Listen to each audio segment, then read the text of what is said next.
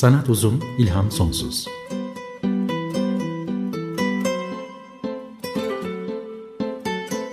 Sanat üzerine psikolojik sohbetler. Hazırlayan ve sunanlar Şenol Ayla ve Timuçin Oral.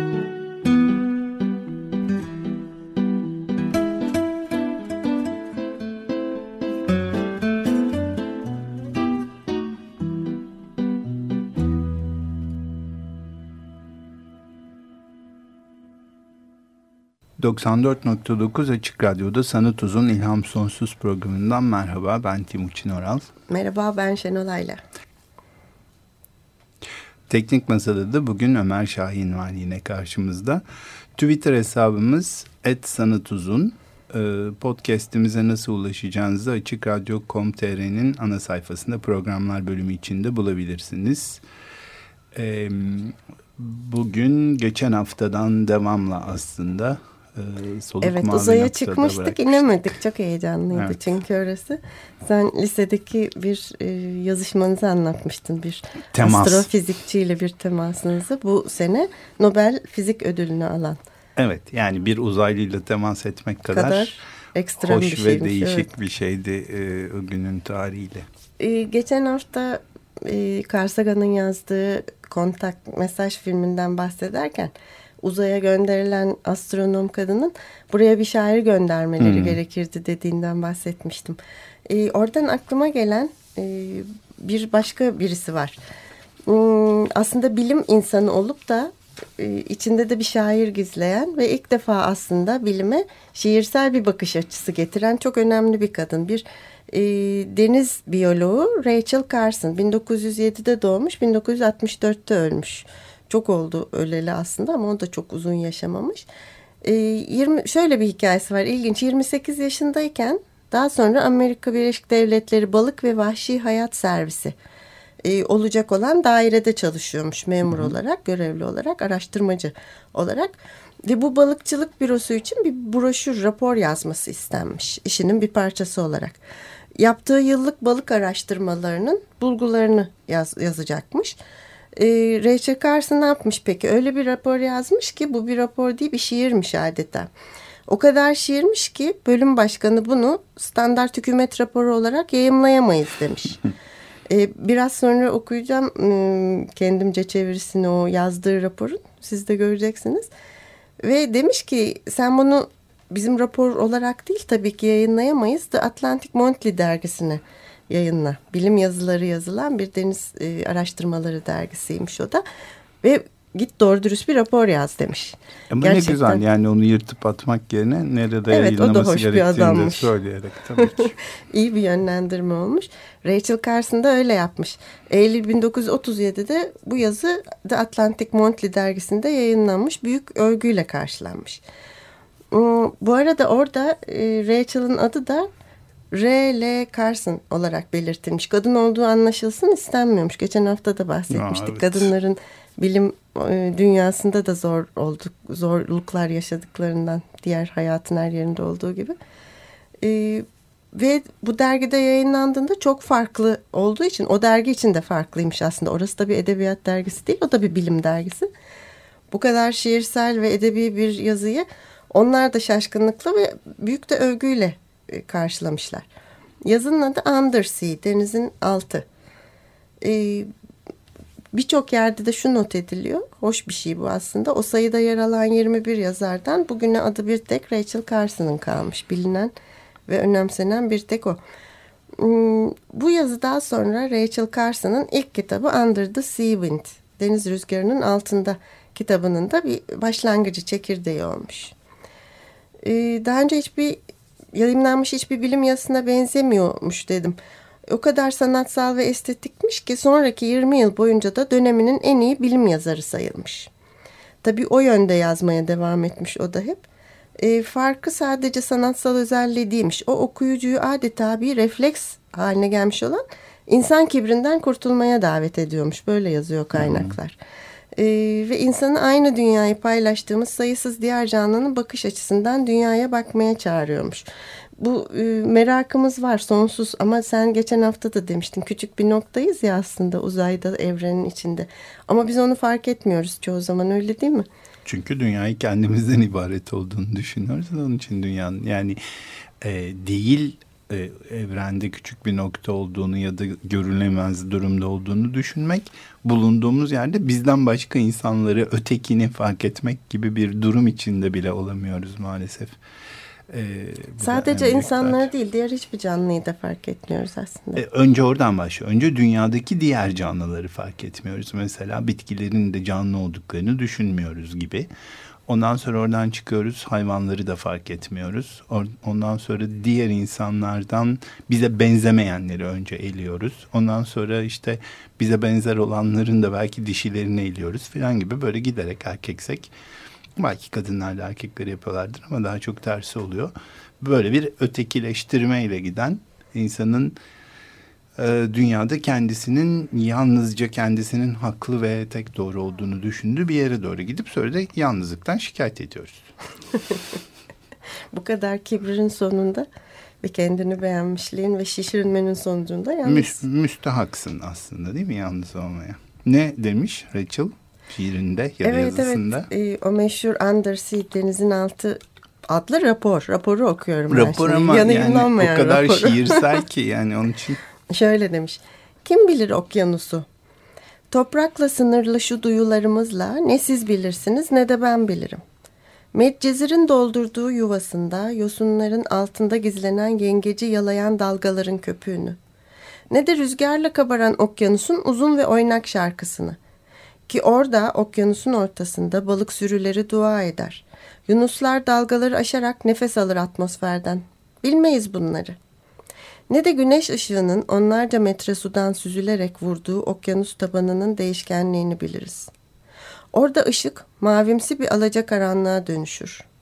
Süngerler ve yumuşakçaların ve deniz yıldızlarının ve mercanların yaşadığı yerde minicik balık sürüleri gün batımında yağan gümüş meteor yağmurları gibi ışıldar ve kayaların ardında bekler yılan balıkları. Bu su dünyasının yaratıklarını hissedebilmek için insana özgü boyut, zaman ve mekan algımızı değiştirerek bu her yeri kaplayan su evrenine girmeliyiz. bir bölümü bu tabii çok uzun ve... Şahane tabii ama bu asla rapor olamaz. Yani bunu bunu okuyup... Ee, aslında bakmayı gören birisi anlar. Denizin altına ait bir rapor var ya yılan balığı varmış. Deniz hayır, yıldızları varmış. Ni, niye bakmamız gerektiğini bundan daha güzel anlatamazdı herhalde de. Ama hani devlet dairesinde bir rapor olarak düşünebiliyor musun sen bu metni? Şu ama an şeyi düşünebiliyorum şimdi dalıyor ve bütün bunları görüyor. Bir rapor hazırlaması gerek ama o heyecan o kadar fazla ki onu o kadar ele geçirmiş ki dışarıya çıktığında rapor olarak bunları yazabiliyor. Şahane gerçekten. Üstelik de tabii 1960'ların başlarından bahsediyoruz değil mi aşağı yukarı? Bu 37. Olarak. Daha ha. da önce 60'larda ölüyor. Ha, Bu ha, yayınlanması doğru. 37'de. Daha, 28 yaşındayken 28 falan. 28 yaşındayken. Oo, tabii. Öyle düşününce ortada ne doğru dürüst fotoğraf makinesi ne renkli fotoğraflar görselleştirecek hiçbir şey yok. Sadece kendi anlattıklarıyla görselleşmiş. Evet doğru. Okyanusun altını görüyorsun gibi gerçekten. Evet aslında doğru diyorsun çünkü hiç kimse görmemiş kimsenin görmediği bir yerden de bahsediyor orada öyle bir yer var diyor ve bu kadar şiirsel anlatınca belki renkli fotoğraf gibi görebiliyoruz onu. Evet tabii bu arada denizaltının bilinç dışıyla belki metaforik ilişkisinde düşünmekte yarar var kim bilir. Şimdi düşünelim o zaman ee, nasıl anlamadım. Yani e, belki de belki de Rachel e, Carson ki o yıllar 1937 işte yani psikanalizin de epeyce tırmandığı bir dönem dünya üzerinde. E, bilinç dışı kavramının da ilk kez ortaya atıldığı bir dönem ve aslında metaforik olarak da deniz, denizaltı e, biraz bunu da anlatan e, bir şey. Yani bir yandan bakmaya korktuğumuz, bakamadığımız, çok derinde kalan ama yüzleştiğimizde çok kendimize ait şeyler, parçalarda bulabildiğimiz e, ama hani girilmesi çıkılması çok kolay olmayan e, bir e, Şimdi bir bu süreci. Bir raporu o gözle bakınca aslında öyle de yazmış olabilir mi diye Orada onlarca metre sudan süzülerek deniz dibine vuran okyanus tabanının değişkenliği deyince şimdi bunları senin yönlendirmenle bilinç altına e, bilinç dışına gönderirsek ne kadar güzel. Orada ışık mavimsi bir alacakaranlığa dönüşüyor. Şeyi hiç bilmiyorum tabii Rachel Carson'ın bir ilişkisi olmuş mu e, psikanalitik e, psikoterapiyle ya da hmm. o zamanın yükselen değeriyle ama evet, e, ben bakmaya de değer. Ama bakalım. kayaların ardında da yılan balıkları bekliyor tabii. Gibi. Bayağı zor. Hı hı. İlginç metaforlar. Ee, ama e, geçen hafta konuştuğumuz mesaj filmindeki buraya bir şair göndermeleri lazımdının karşılığı bu. Denizin dibine gerçekten bir şair, bir şair göndermişler. göndermişler. Doğru insanı göndermişler hakikaten. Ee, o da bize bu insanın refleks haline gelmiş olan insanlık kibrinden kurtulalım diyor Rachel Carson ama bundan kurtulmak mümkün mü acaba? Yani insanlık dediğimiz zaman çok zor bir şeyden bahsediyoruz. Yani bütün insanlığın bunu yapması ancak birer Yok, birer... insanın bireysel olarak da mümkün mü? Ama bütün arayış bunun için değil mi? Yani bütün öğretiler geçmişte tarih boyunca dini olsun olmasın hepsi aslında biraz bu kibirden e, arınmayı, e, evrenle ya da duruma göre Tanrı'yla bütünleşmeyi e, hedefleyen ve bu aslında biz hiçbir şeyizi e, hissetmeye varmaya daha tasavvufi bir şeyden bakarsak evet niye olmasın yani mümkün tabii ki bulabilmeli en azından. Geçen hafta e, senin aklına gelmişti soluk mavi nokta. Şimdi hmm. ona geçmeden önce bir parça dinleyelim mi bugün e, arada? E, Ulrich Dressler dörtlüsünden dinleyeceğiz. Bunun içinde e, Tort Gustavsen'i de e, göreceğiz bu parçada dinleyeceğiz. Where Breathing Starts. Müzik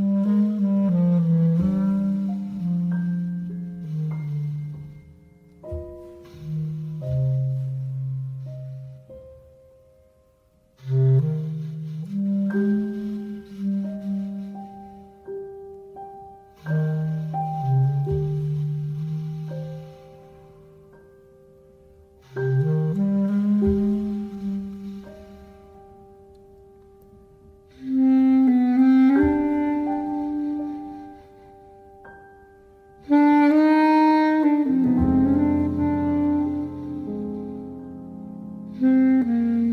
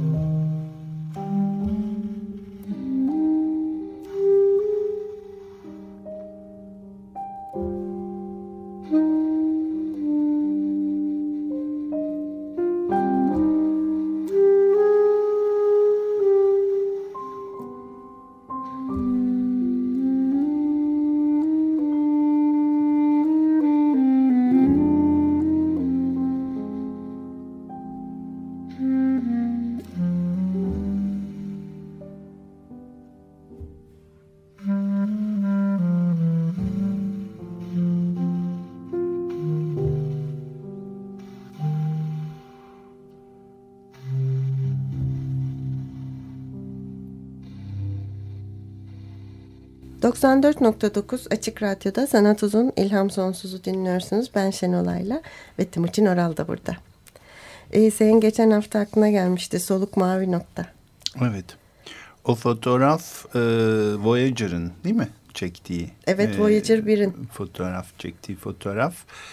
E, Twitter'dan paylaşırız onu da. Evet paylaşalım. E, o yıllarda ondan önceki e, şeyi de Voyager öncesi seyahatlerin de hep e, gazete kupürlerini kesip yapıştırıp saklamışım.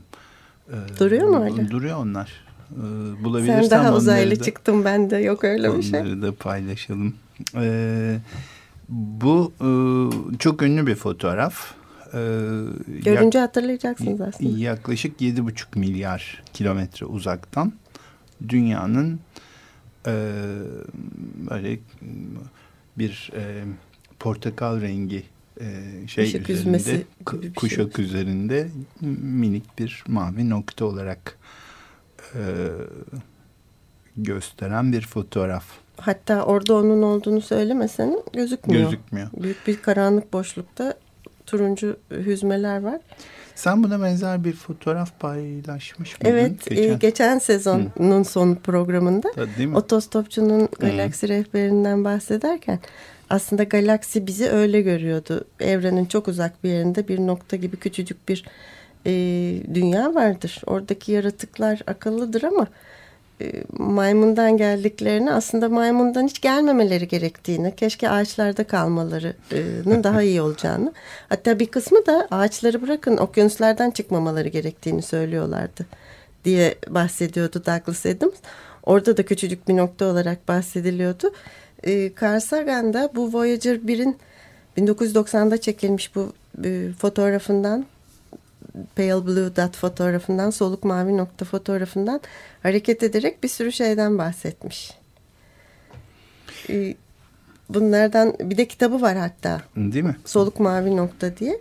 E, bu noktanın ne kadar bizim için e, önemli, bizim evimiz oldu ama evren içinde o kadar önemli bir şey olmadığını bahseden Evet. Ee, bir makale bu aslında. Şöyle bir şey diyor değil mi? Bu uzak bakış açısından dünya herhangi bir öneme sahipmiş gibi görünmüyor. Ama bizim için o farklı. Bu küçük noktayı bir daha düşünün. O orada, o evimiz, o biziz. Üzerinde tüm sevdikleriniz, hakkında bir şeyler duyduğunuz herkes, şimdiye dek yaşamış olan her insan orada yaşadı. Neşe ve acının tamamı, binlerce din, ideoloji, ekonomik öğreti, her avcı ve her toplayıcı, her kahraman ve her korkak, medeniyetlerin her yaratıcısı ve her yıkıcısı, her kral ve her çiftçi, her aşık çift, her anne ve her baba, umut dolu çocuk, mucit ve kaşif, her ahlak öğretmeni, her yozlaşmış politikacı, her süperstar, her üstün lider, türümüzün tarihteki her aziz ve günahkarı orada yaşadı bir güneş huzmesi içinde yüzen bir toz zerresi üzerinde. O yüzden işte böyle hani çok büyük evet. gibi görünüyor bize ya da biz kendimizi çok önemli buluyoruz.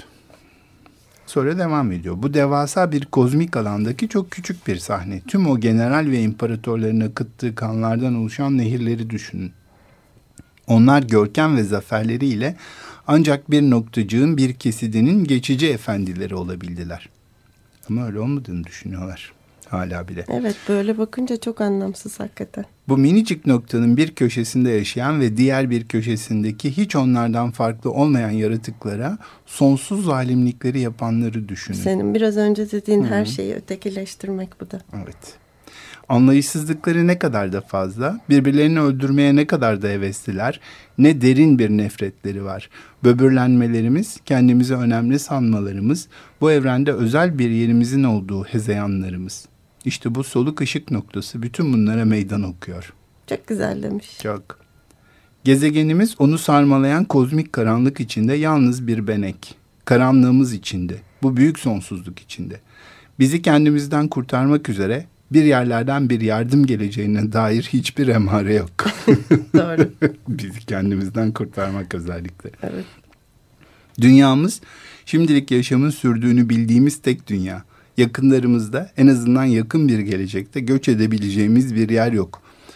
Gidebileceğimiz evet ama yerleşemeyeceğimiz henüz değil. Beğenin ya da beğenmeyin tek yaşayabileceğimiz yer dünya. Astronominin aşağılayıcı, mahcup edici bir deneyim olduğu söylenir. Belki de insan varlığının deliliğini gösterebilecek. Dünyamızın bu uzak, küçük görüntüsünden daha iyi hiçbir şey yok. Bana göre bu görüntü bizim birbirimize daha nazik geçinmemiz ve bu soluk mavi noktayı paylaşma ve koruma sorumluluğumuz olduğu anlamına geliyor. Bilebildiğimiz tek evrenimiz. Evet çok alçak gönüllü e, anlatmış. Hakikaten de o kadarız aslında. Alçak gönüllü müyüz, kibirli miyiz? Evrenin bunlardan umuru haberi yok. Umurunda değil. Umurunda değil evet. Zaten hani e, o kadar önemsiziz diyor Sagan. Ee, aslında bu konuşması üstüne de bir animasyon da yapılmış. Hoş bir animasyon. Onu da Twitter'dan paylaşacağım. Kısa bir e, güzel şık bir animasyonu var. Sonuçta diyor ki bütün bunların da çok daha uzun bir metin tabii bu aslında bir bölümünü okuduk biz. E, o kadar da önemli değiliz diyor. Gene otostopçunun galaksi rehberinde e, ben iki hafta önceki programda burasını söylememiştim ama şimdi yeri geldi. Evrene hitaben adam der ki efendim ben varım yani I exist der. Evren de şöyle cevap verir. Bu benim için herhangi bir yükümlülük oluşturmuyor. Bana ne senden? Tam da öyle. Bu çok güzel. Varsın da bana mı varsın? Evet aynen öyle. Ee, o kadar önemli olmamamız aslında da bir yandan rahatlatıcı geliyor bana. Çok yükümlülüğümüz yokmuş gibi ama büyük de bir yükümlülük aslında. Yani şöyle önemsiz değiliz de e, e, kendi önemlilik algımız e, o boyutta bir şey değil. Yani bir hücrenin bizim için hiçbir önemi olmayabilir mi? O bir parçamız. Biz de evrenin bir parçasıyız. Ama o hücre kendisini e, bizi yönetebilecek bir şey olduğunu düşünmeye başladığında dahası vücudun genel kurallarını dinlemeyerek çoğalmaya başladığında ona kanser diyoruz zaten. Yani hmm. insanın evren için kanser olması e, çok mümkün olabilecek potansiyele sahip. Kendi dünyası için oldu zaten bunu görüyoruz. Evet ama işte evrenin savunma mekanizması onu yok etmeyi başarabilecek bir e, düzenek oluşturuyor. Çünkü hakikaten çok çok küçük bir varlığız. Böyle bakmak. E, ee, bir yandan da etsek etsek ancak bu küçük mavi noktayı yok ederiz. Evrene de bir şey olmaz. Evet. E, aslında çok bildikçe kibri azalıyor galiba insanın. Carl dediği de o mahcup edici bir deneyim diyor ya astronomi için. Bildikçe öğrendikçe aslında bu büyüklenme azalıyor, böbürlenme azalıyor. Ama aslında ne kadar e, hiç olduğunu e, fark etmeye hazır olmadan fark ettiğinde de tam tersi oluyor. Yani e, kendisini olduğundan da daha önemli ve değerli hissetmeye başlıyor o zaman. Dışarıda gayet şişik bir e, ego görüntüsü, içeride minicik bir varoluş ee, arada, arada büyük bir da boşluk. Engin Hoca'nın dediği gibi büyük bir varoluş vakumu. Böyle olunca her şeyin vakum. kendimiz için olduğunu düşünüp her şeyi kendimize doğru çekmeye başlıyoruz. Aradaki vakum, boşluk her Onun şeyi kendine çekmeye başlıyor. E, hücre örneğini verdin demin kansere dönüşüp bütün bedeni e, tehdit etmesi gibi. Bu toplum için de böyle. Kendini bilmez biri çıkıp kendisini çok bir şey sandığında o da her şeyi tehdit edebiliyor. Evet yani e, toplumun bağışıklık sistemi onu engeller aslında ama e, taraftar toplayıp çoğalırsa. İşte kanserde öyle değil mi? Bazen de artık engel olunamaz. Bağışıklıkla da başa çıkılamaz hale gelebiliyor. İşte ama hani o insanlık bilinci mümkün olacak mı günün birinde biz görmeyeceğiz de. Hani hmm, olacak bilmiyorum. olacak. Öyle mi? ben e, evet öyle düşünüyorum. E, bu haftanın da sonuna geliyoruz. Bilimin sanata yaklaştığı yerlerden bahsettik iki haftadır. Bugün de e, heyecanlı ve soluk mavi noktadan bahsettik. E, bugünkü destekçimiz, radyomuzun ve programımızın destekçisi Aylin Yüce'ye çok teşekkür ediyoruz. O zaman haftaya yeni bir konuda buluşmak üzere. Hoşçakalın diyoruz. Hoşçakalın.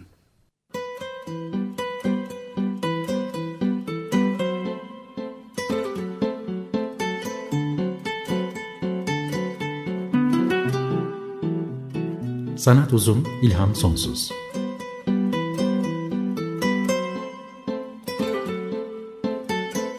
Sanat üzerine psikolojik sohbetler. Hazırlayan ve sunanlar Şenol Ayla ve Timuçin Oral.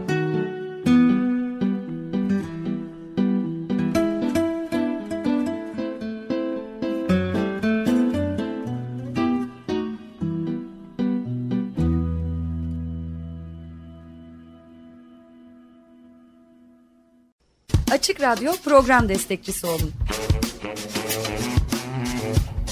Veya daha fazla programa destek olmak için 212 alan koduyla 343 41 41.